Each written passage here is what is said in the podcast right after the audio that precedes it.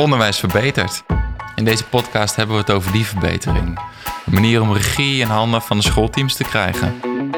Welkom bij de NKC-podcast van Flores. Ik zit hier naast Julia, directeur van de Jan Lichthart School. Julia, er is wat aan de hand bij Flores, want uh, Twitter die knalde uit elkaar een paar weken geleden. Weg met de lesboeken en de leraar aan zet, werd er gezegd. Flores heeft uh, ja, een hoop geïnvesteerd om uh, vier leerkrachten binnen onze organisatie vrij te roosteren om mee te werken aan het Nederlands kenniscurriculum. Een heel mooi product. Het is nog niet klaar, maar we zijn daar heel druk mee, aan, mee bezig. We werken op dit moment een pilot uit binnen onze school. En we willen jullie daar heel graag over informeren. En daarom zitten hier een aantal mensen aan tafel die ik even aan jullie wil voorstellen. Sylvia, bestuurder bij Flores Onderwijs. En Jennifer, ik ontwikkel mee aan het NKC en werk op de Jan Lichtart School. Leerkracht, groep 1-2. En uh, Bas, die jullie net al even hebben gehoord, die is beleidsmedewerker onderwijs en kwaliteit. En uh, we hebben wat vragen bedacht. Ja, Jennifer, kan jij ons heel kort vertellen wat is eigenlijk een curriculum? Waar hebben we het dan over? Een curriculum is een uh, onderwijsplan of leerplan, hoe je het wil noemen, waarin staat wat je kinderen moet leren, hoe je het moet organiseren en hoe je het kan evalueren. Ja, en Sylvia, jij hebt als bestuurder ervoor gekozen om um, deel te nemen aan dat Nederlands kenniscurriculum. Wat uh, maakt dat je die keuze hebt gemaakt? Er waren een aantal redenen om dat te doen. Uh, eerste was dat de scholen die meededen aan het High Performing School traject uh, gaandeweg die scholing erachter kwamen dat ze de leerkrachten die daar werkten zelf meer ruimte wilden hebben voor het invullen van hun onderwijs. En dat ze zich vragen gingen stellen over de bestaande methodes. Dat zagen we ook binnen de stichting, dat de bestaande methodes, met name voor de zaakvakken, ja, niet geïntegreerd genoeg waren. Uh, soms dingen niet aanboden of juist te veel aanboden. Nou, al, al, met al geen tevredenheid over die bestaande methodes. We zagen binnen de stichting ook dalende leerprestaties. Dus de laaggeletterdheid, vraagstukken die namen toe. Uh, ook daar denken we van goed onderwijs voor alle kinderen vraagt ook om een heel goed curriculum. En wij denken dat het NKC daar een antwoord op zou kunnen zijn. En Jennifer, een vraagje: om welke vakken gaat het dan? Want ik hoor Sylvia over allerlei vakken praten, maar welke vakken zitten er dan in dat NKC? Um, je kan denken aan begrijpend lezen, vanuit het stukje taal, mondeling en schriftelijk taalgebruik. Digitale geletterdheid, maar ook kunstzinnige oriëntatie zit erin geïntegreerd. En uh, geschiedenis, topografie, burgerschap, ja, mens en samenleving en CEO zit er ook allemaal in. En het is thematisch opgebouwd, begrijp ik. Klopt. Kan je eens een, een paar voorbeelden noemen van thema's die jullie behandelen? Een paar thema's zijn, ik uh, kan er even een paar van groep 1-2 noemen, want ik zit dan bij het NKC en het leerteam 1-2. Uh, wij hebben het bijvoorbeeld over Zo begint het, maar ook een kleine stap of door weer een wind, maar ook uh, tussen de muren over geschiedenis. Echt een thema dat alleen maar gefocust is op een stukje geschiedenis. Dus. En kun je dan eens vertellen wat het verschil is met uh, hoe het eerst uh, ging en uh, hoe het nu in deze pilot werkt? Want ik, ik hoor eigenlijk thema's wel met andere namen, maar wat is nou het verschil met het onderwijs wat nu in de kleutergroepen wordt gegeven? Nou, de thema's, die, dat is eigenlijk de basis voor de thema's van groep 3-4.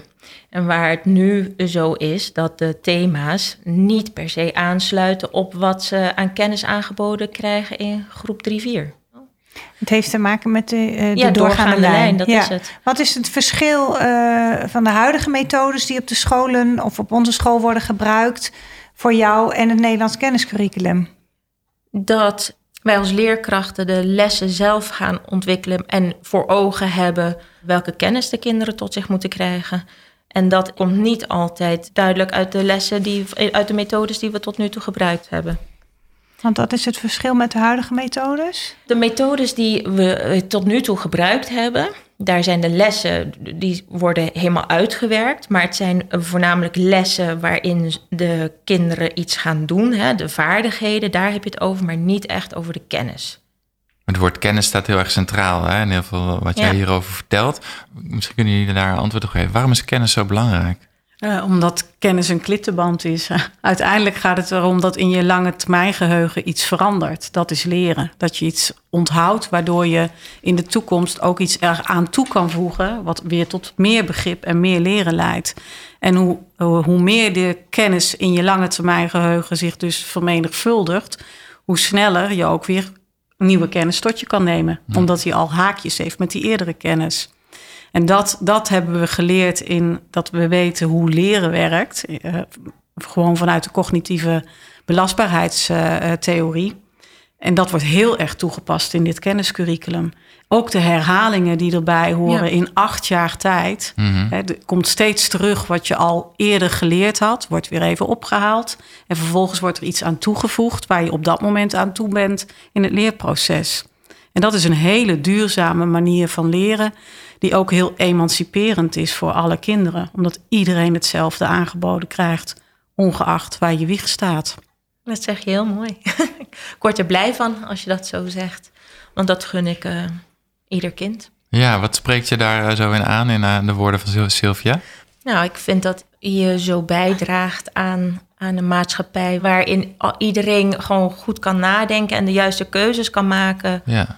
Op basis van ja, belangrijke kennis. Ik vind het ook heel erg belangrijk dat wij als leerkrachten ervoor zorgen dat alle kinderen de kennis die vanuit SLO of Tule, weet je wat zij in kaart hebben gebracht, dat ze dat gewoon tot zich krijgen. Ik vind dat gewoon belangrijk, dat zij dat gewoon hebben, dat, ze, dat er gewoon gelijke kansen zijn, dat ze kans maken op uh, vervolgonderwijs dat echt wel bij ze past. Ik wil gewoon dat alle kinderen gewoon goed onderwijs krijgen en daardoor de juiste dingen gaan doen in het leven. Ja. Nou, mooi. Dat komt echt uit je tenen. Maar dan hoor je in de maatschappij ook... Uh, en in het onderwijsland mensen die zeggen... ja, uh, kennis, dat zoek je toch gewoon op, op, op Google. We hoeven toch niet meer alles uit ons hoofd te weten nu?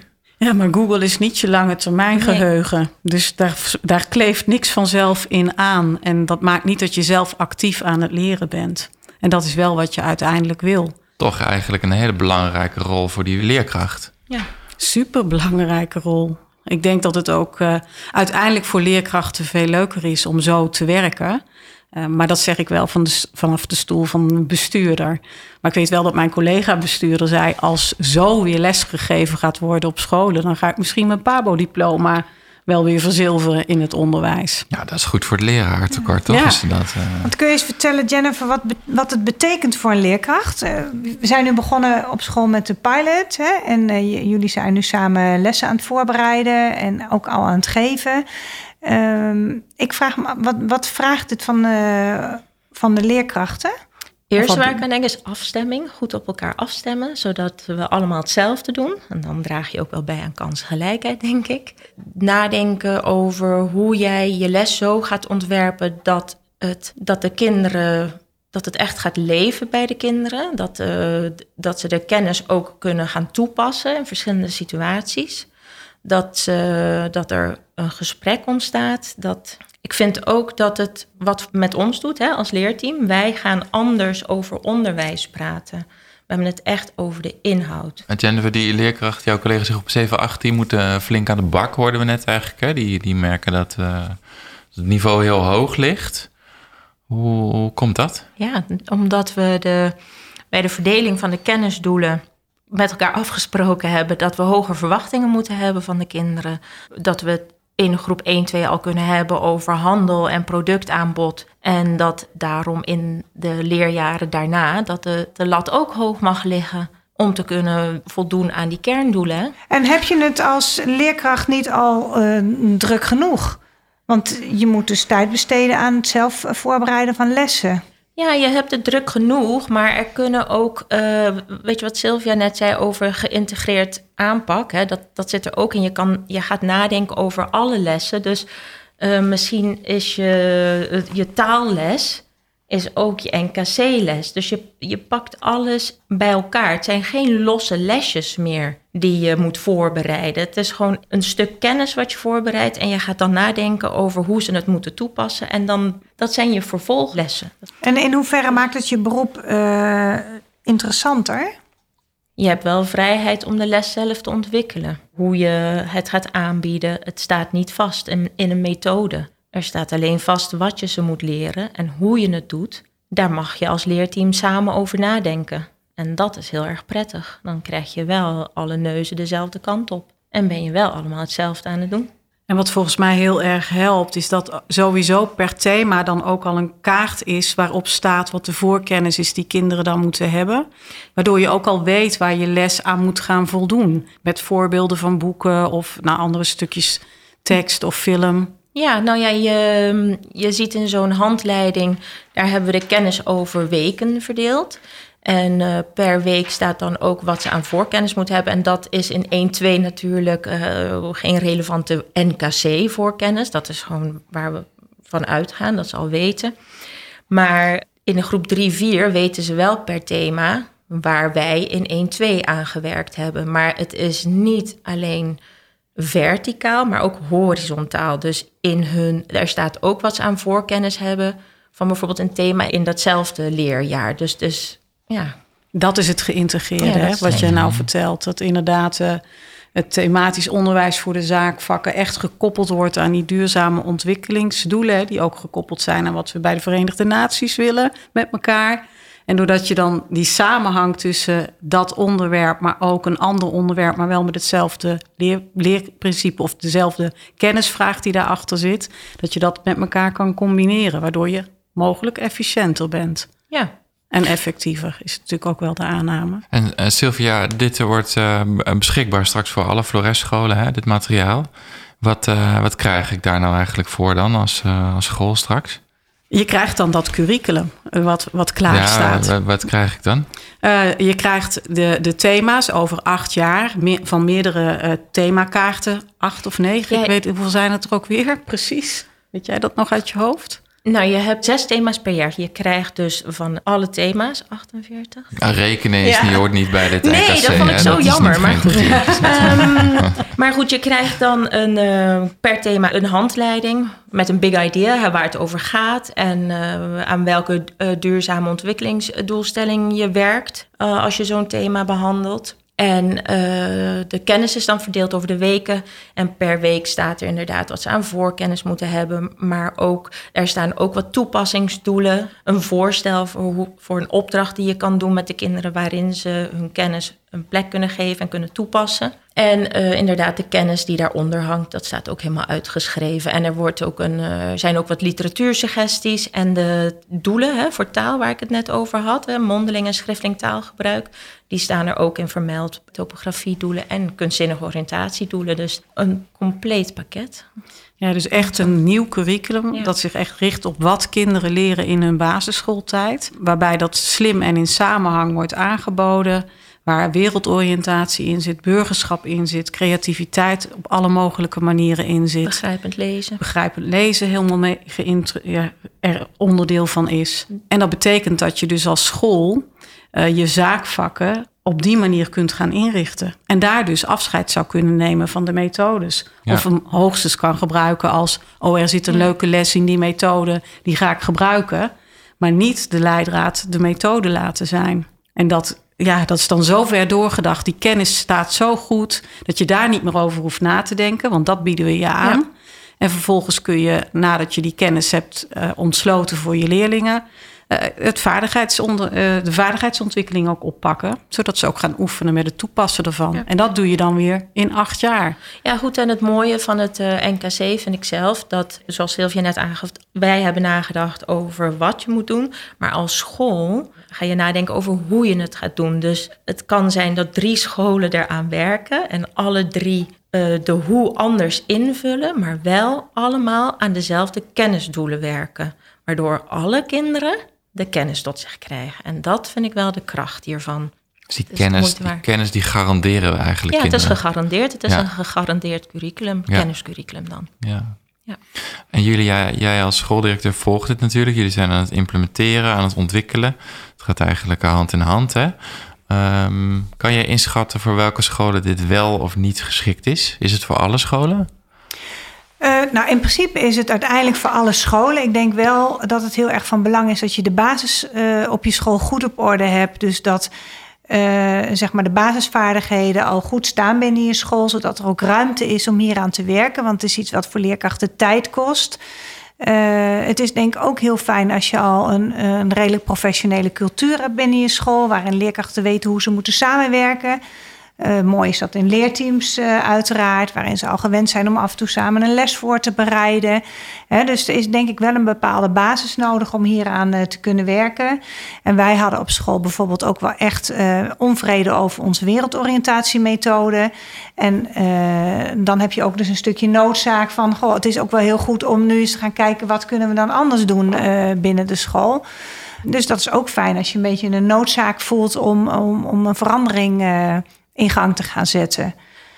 Iets dat ook van meerwaarde is, is dat het een, echt een doorgaande lijn is van groep 1 tot en met 8. Dat zie je niet in WO-methodes. Die worden helemaal niet geschreven in een doorgaande lijn van 1 tot met 8. En wat er ook ontstaat, is een speech community. Dat is ook een, de kracht van het NKC, omdat je allemaal aan een soortgelijk thema aan het werken bent. Ik weet dat mijn collega's in 3-4 het nu ook hebben over uh, reclames enzovoorts. Maar dat wat wij aan het doen zijn in 1-2 daaraan vooraf gaat. Waardoor wij als collega's ook heel anders, dus leerteam doorbrekend, over ons onderwijs aan het praten zijn. En dat is ook echt de kracht van het NKC.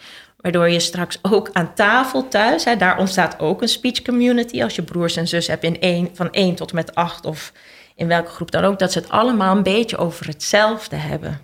En dan krijg je ook zo'n klittenband-effect. Hè? Ja. Kennis haakt aan kennis en je, je hebt het er steeds over. En het zet je als leerkracht ook op scherp van: hé, hey, het, het doet ertoe wat ik ze nu leer, komt straks terug in 3, 4, in 5, 6 en in 7, 8. En uh, wij uh, zijn uh, een cultuurschool. En wat heel mooi is, is dat we zeg maar, samenwerking hebben gevonden ook met het kunstbedrijf. Die ook meegedacht heeft om zeg maar de kunstzinnige oriëntatie, in dit geval de discipline theater, ook te koppelen aan, het, aan de thema's waar we nu mee werken. En dus dan is ook een, een mooie verbinding gevonden met, met het kunstbedrijf. Waardoor die thema's nog verder versterkt worden eigenlijk. Ja. Nou, misschien, want jij zei net, hè, wat, wat bieden we de scholen? Nou, ik denk dat we dat hebben uitgelegd. Ik zie ook wel, dat is ook goed om even toch op te merken. Wij hadden natuurlijk best al scholen binnen onze stichting die wel al met hun curriculum bezig waren.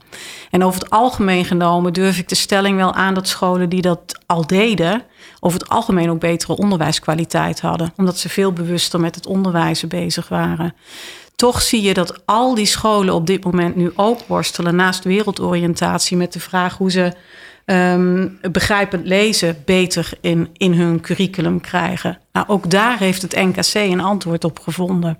Dus zelfs voor die scholen is het interessant om te zien wat eigenlijk die gouden gids is die we hier gemaakt hebben en hoe die hun curriculum nog zou kunnen verrijken.